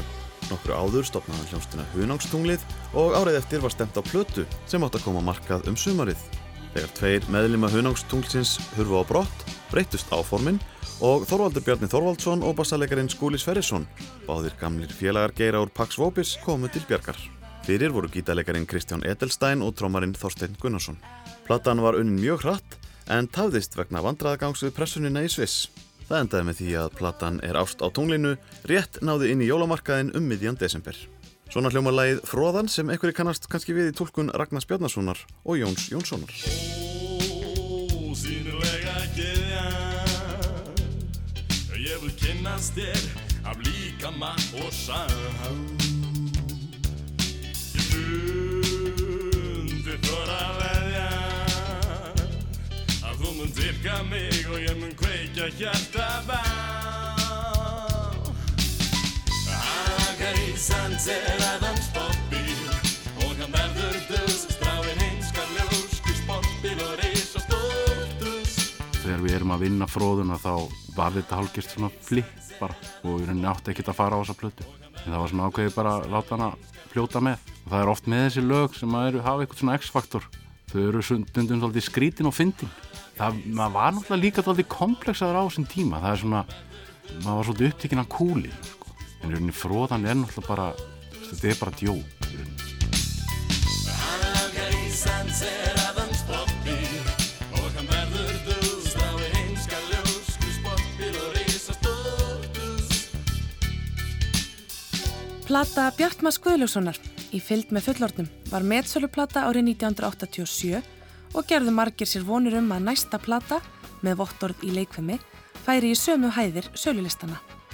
Hún fekk afar jákvæðar viðtökur gaggrinenda en salan var langt undir væntingum, tæplega 3500 eintök eða 10.000 ferri eintök en árið á undan. Vorið kom með væntingar en sumarið með svör Um haustið sáist kettlingar með lóu glótt á vör Ég var farna stattur og stóð mig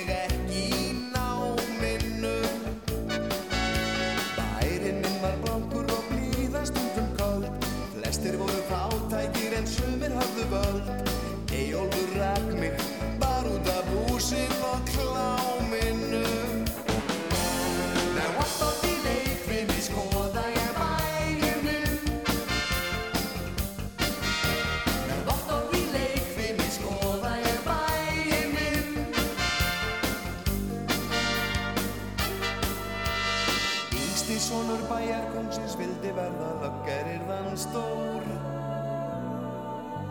Hann gerði síðar kynferfur og eitthvað út í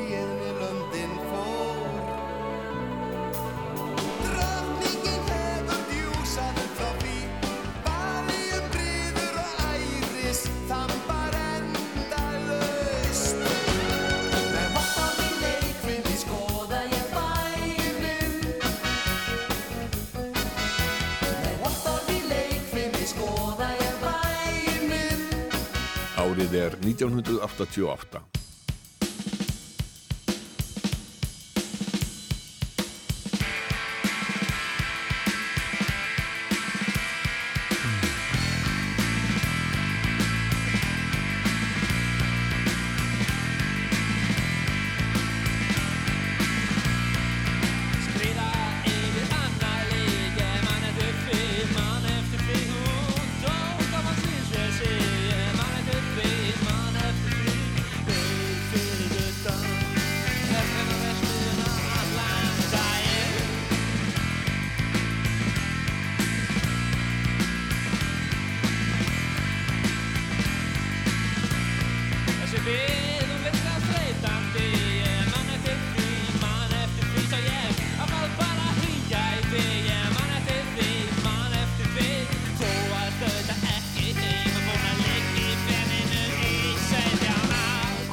eiginlega bara miklu leiti algjörlega mín hugasmíð sem var eiginlega samin að miklu leiti af, af mér einum út í Fraklandi síðan kem ég heim og við byrjum að æfa þetta og hún verður til. Og tekin upp í þá glæni í stúdíói áttar ása og við vorum fyrstir sem fóru þar inn. Og teknilega séð þá er hún ekkert ekkert mikið, mikið verk en, en sem sagt svona tónlistalega séð, það voru nákvæmt. Gunnar Hjálmarsson saði frá fyrstu og einu breiðskifu Svarkvít Ströms, Góð, sem lendi í sjötta til sjönda sæti þegar Ástvöð stóð fyrir valinu á bestu íslensku plötu nýjunda áratögarins árið 1989. Sveitina skipuðu laga og textasmiðurinn Gunnar Hjálmarsson sem söng og spilaði á bassa, Stengrimur Birgisson gítarleikari og Birgi Baldursson sem barði alputan úti á brunni á varma hlýð Á Akureyri þú býður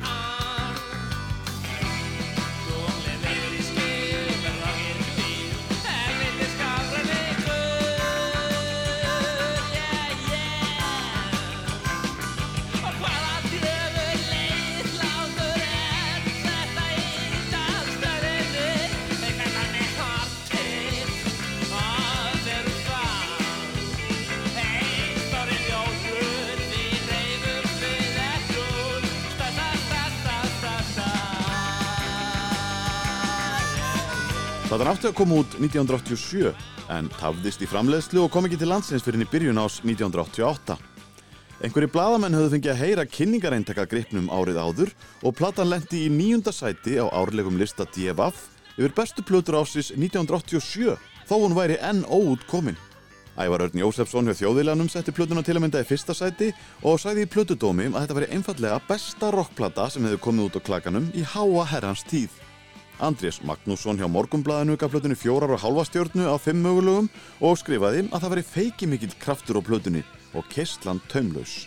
Í læginu Engin ævintýri var mögulega að finna raunsannari lýsingu á sjómennsku en áður hafið heist í íslenskum dægulega textum. Ég er einn í lúkanum, svo ein manna, svo átt árum Með sjálfa mig og gin og klámblöðinn, það er stím og Reykjavík Hjökkuðum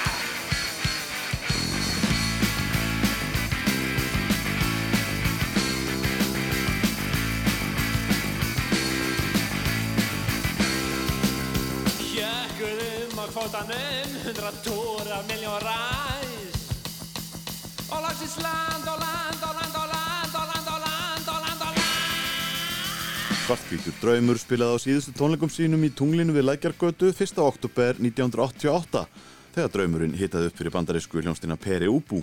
Svanasöngur sveitarinnar var svo fjagralega plata sem kom út undir lok ásins. Hún bar nafni Bless og það var einmitt nafni á hljómsettinni sem tók við að draumnum þegar Stengrimur gítarleikari hætti. Hér syngur Dr. Gunni um græna frostpinna en það er eitt af lögunum fjórum á Bless.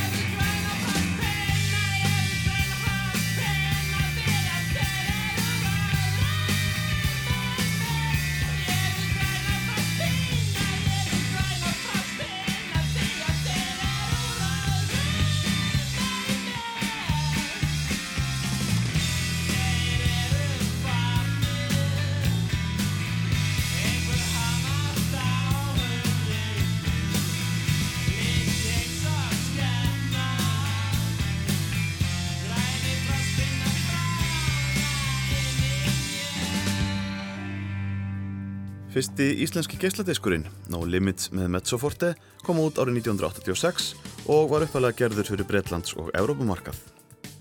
Vinsælar erlendar hljómblötur seldust í litlum mæli á geisladiskum til að byrja með, en þóttu spennandi nýjung. Þó ekki væri allir sáttir við hljóminn, sem var harðari og skýrari en fólk átt að venjast. Næstu mánuði og ár fjölgaði þeim titlum sem kom út á geisladiskum, jafnliða vínilplötum og snældum. Og árið 1988 var sala geisladiska um 10% af heldarsölunni. Það var ekki fyrir árið 1991 að hægt var að gefa vínilhljómplötur út og snældur nokkrum árum setna. Og þar með tóku geisladiskar alfarið við og hljómplötu útgefundur tóku sér saman um að festa nafnið geislaplötur í sessi til að tapa ekki orðinu hljómplötur úr íslenskri tungu. Árið er 1988. Plötusala hafi verið nokkur í lægðum árabil, þó svo öðru kvoru næðu söluhæstu plötunar með sölu. Þannig var það árið 1987 að þrýr söluhæstu titlarnir náðu allir vel yfir 10.000 eintakasölu og seldust í 45.000 eintökum samtals. Svo virti sem plötusala væri óðum að ná sér á stryk og það kom því mörgum á óvart hversu dræm salan var árið 1988 þrátt fyrir að margar ágætisplötur kemi út.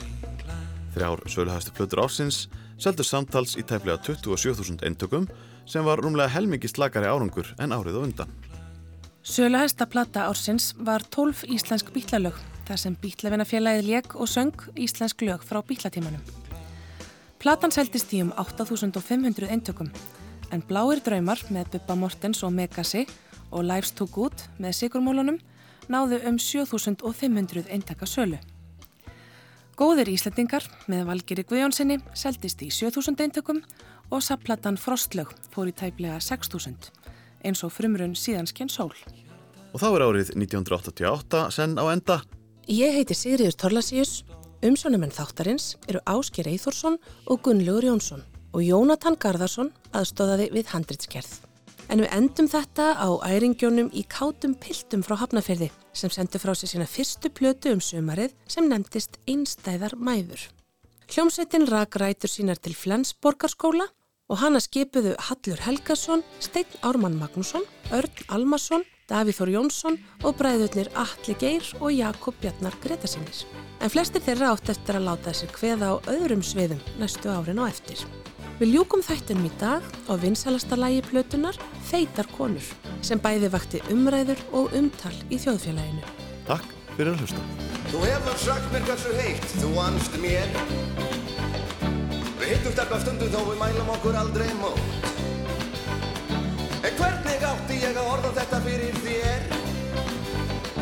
Ég ætlaði ekki að særa þig en þú er bæði feit og ljót Feitar konur, Unna mér í tonnavís feitar konur, Síst af öllum konum kýs. Feitar konur, Framar öllum vonum. Ég er ofsóttur af feitum konum Skilur ekki hvernig nokkuð skapaður maður þig stendst En skellt þér þó að endingu með grunni Svo gekkstu til mín og spurðir Hef ég ekki grenst Getur verið en þú ert akkfeit fyrir því. Feitar konur, Unna mér í tonnavís feitar konur, Síst af öllum konum kýs. Feitar konur, Framar öllum vonum. Ég er ofsóttur af feitum konum Á einu víðáttum miklu veiði lendum þínum. Vilst hefur annars margur ágætur svið. Svo gerður þér leikað hugsunar hætti mínum. Og hækkaðir töluð særðra og fallin að mig. Feitar konur, Unna mér í tonnavís feitar konur, Síst af öllum konum kýs. Feitar konur, Framar öllum vonum. Ég er ofsóttur af feitum konum Létt tóktu með að leggjast á mig. Ég let mig hafa það og skipti sköpum. En mér finnst ef að miðað er við þig Að menn séu komir að blóðhestum en ekki öppum feitar konur, Unna mér í tonnavís feitar konur, Síst af öllum konum kýs. Feitar konur, Framar öllum vonum Ég er ofsóttur